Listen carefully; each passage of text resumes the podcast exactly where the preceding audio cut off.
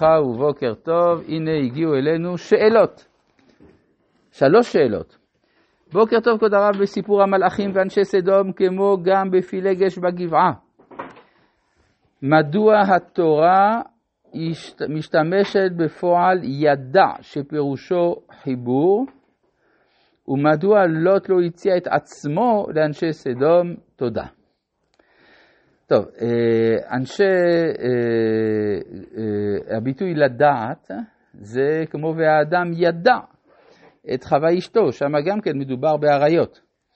מדוע לוט לא הציע את עצמו? כי הוא היה זקן, מן הסתם לא רצו בו, וחוץ מזה, שהוא רצה אה, לכוון אותם ממשכב זכור למשכב אישה.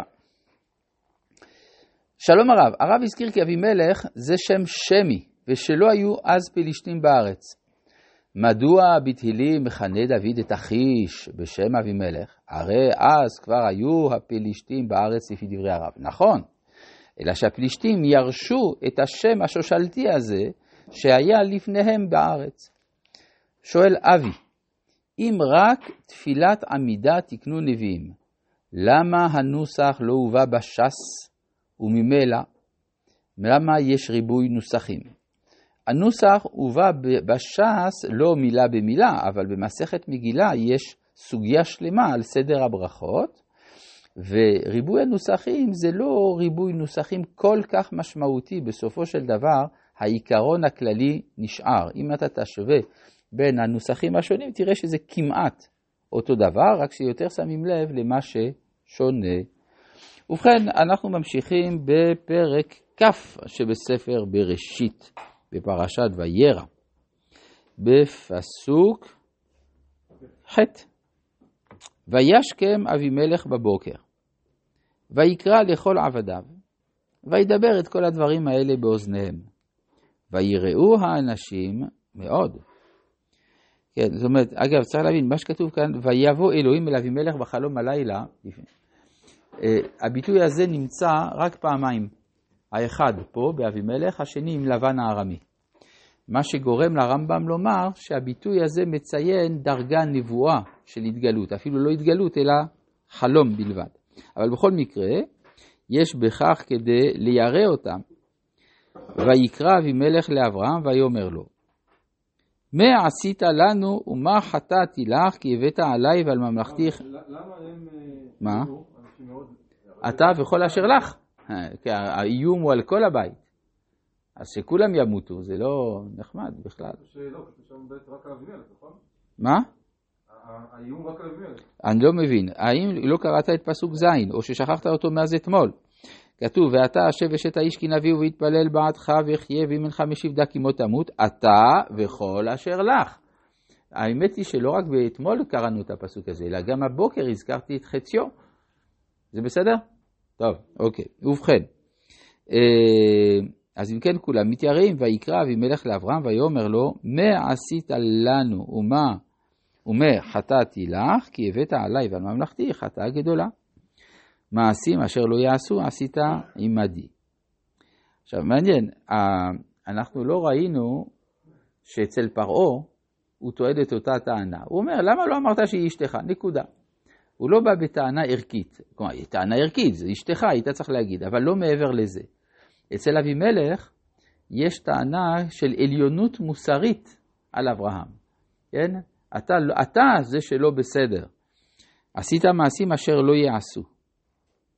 מה התגובה של אברהם? אין.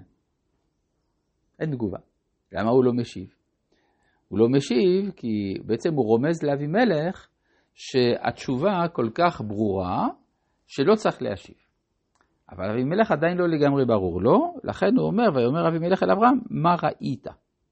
כי עשית את הדבר הזה. עכשיו, יש על זה במלבים, על הפסוק הזה, הערה מאוד חשובה.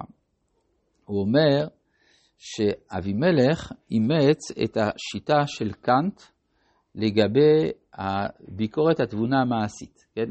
עמנואל קאנט כתב ספר, מלבד ביקורת התבונה הטהורה, הוא גם כתב ביקורת התבונה המעשית, ששם הוא מביא את עקרונות המוסר. ועקרונות המוסר אומרים שהמחויבות לעשות את הטוב זה מחויבות מחויבת ממה שנקרא צו קטגורי של התבונה. וגם בלי קשר לאלוהים, כלומר, קאנט אמנם היה אדם שהאמין באלוהים, אבל גם בלי קשר לאלוהים, יש אה, צו קטגורי של התבונה שמחייב את המוסר. מאיפה קאנט ידע את זה? הוא אמר, בעצם הוא עשה אחד ועוד אחד. הוא אמר, אני אדם מאוד חכם, אני הפילוסוף הגדול ביותר בגרמניה ואולי בהיסטוריה. עכשיו, יש גם עניין נוסף, אני אדם מאוד מוסרי. אז כנראה שיש קשר בין החוכמה שלי לבין המוסריות שלי. בנוסף לכך הוא אמר, מאיפה באה לי כל החוכמה הזאת? מזה שאני גרמני. מכאן שגרמניה, כיוון שהיא האומה החכמה ביותר בעולם, היא בעצם האומה המוסרית ביותר בעולם, והיא תביא את בשורת המוסר לאנושות כולה. זה פחות או יותר המהלך שלו. נאיבי קצת, כן? אבל על כל פנים זה מה שהוא חשב. אז המלבים מביא את דברי קאנט, לא כותב את שמו, אבל יש פילוסופים שאמרו, ידוע שהמלבים ביקר בקניגסברג, עירו של קאנט, שהיא היום העיר קלינינגרד. אז אה, מה שהוא אומר כאן, מה, מה זה הסיבה? אה?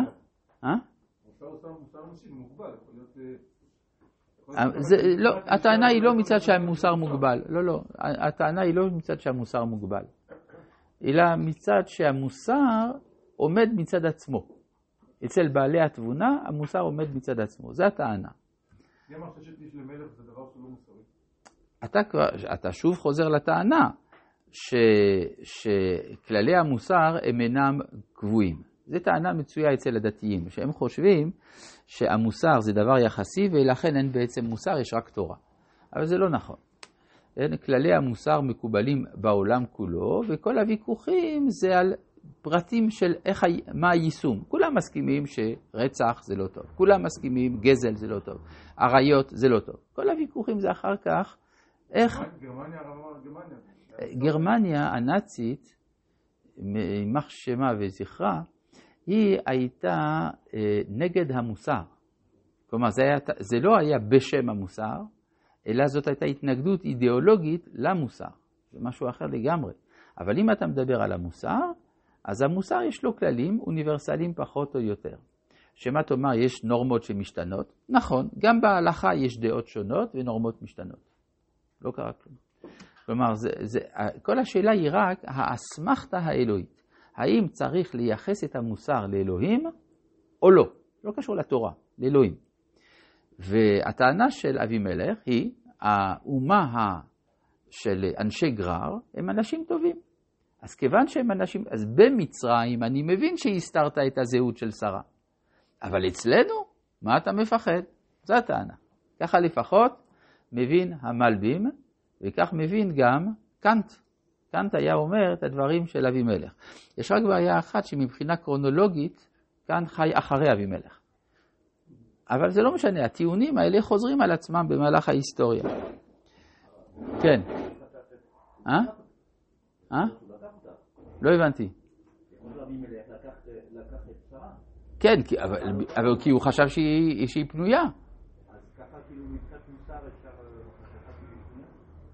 לא, זה דיברנו שבשיעורים הקודמים, שבהם מן הסתם היית, שהמלך לא צריך רשות כדי לקחת פנויה. כדי לקחת אשת איש, ודאי שהוא צריך רשות, אסור לו בעצם. אבל פנויה, אדרבה, זה נחשב אז לכבוד. כלומר, אף אחד לא העלה בדעתו שזה בעיה בכלל להימסר למלך. כן. ואז מה התשובה של אברהם? ויאמר אברהם, כי אמרתי, רק כן יראת אלוהים במקום הזה והרגוני על דבר אשתי. כלומר, זה בעצם הטענה שבשעה שיצר הרע גובר, ושרה הייתה יפה ביותר, כשיצר הרע גובר, אז כל התבונה נעלמת.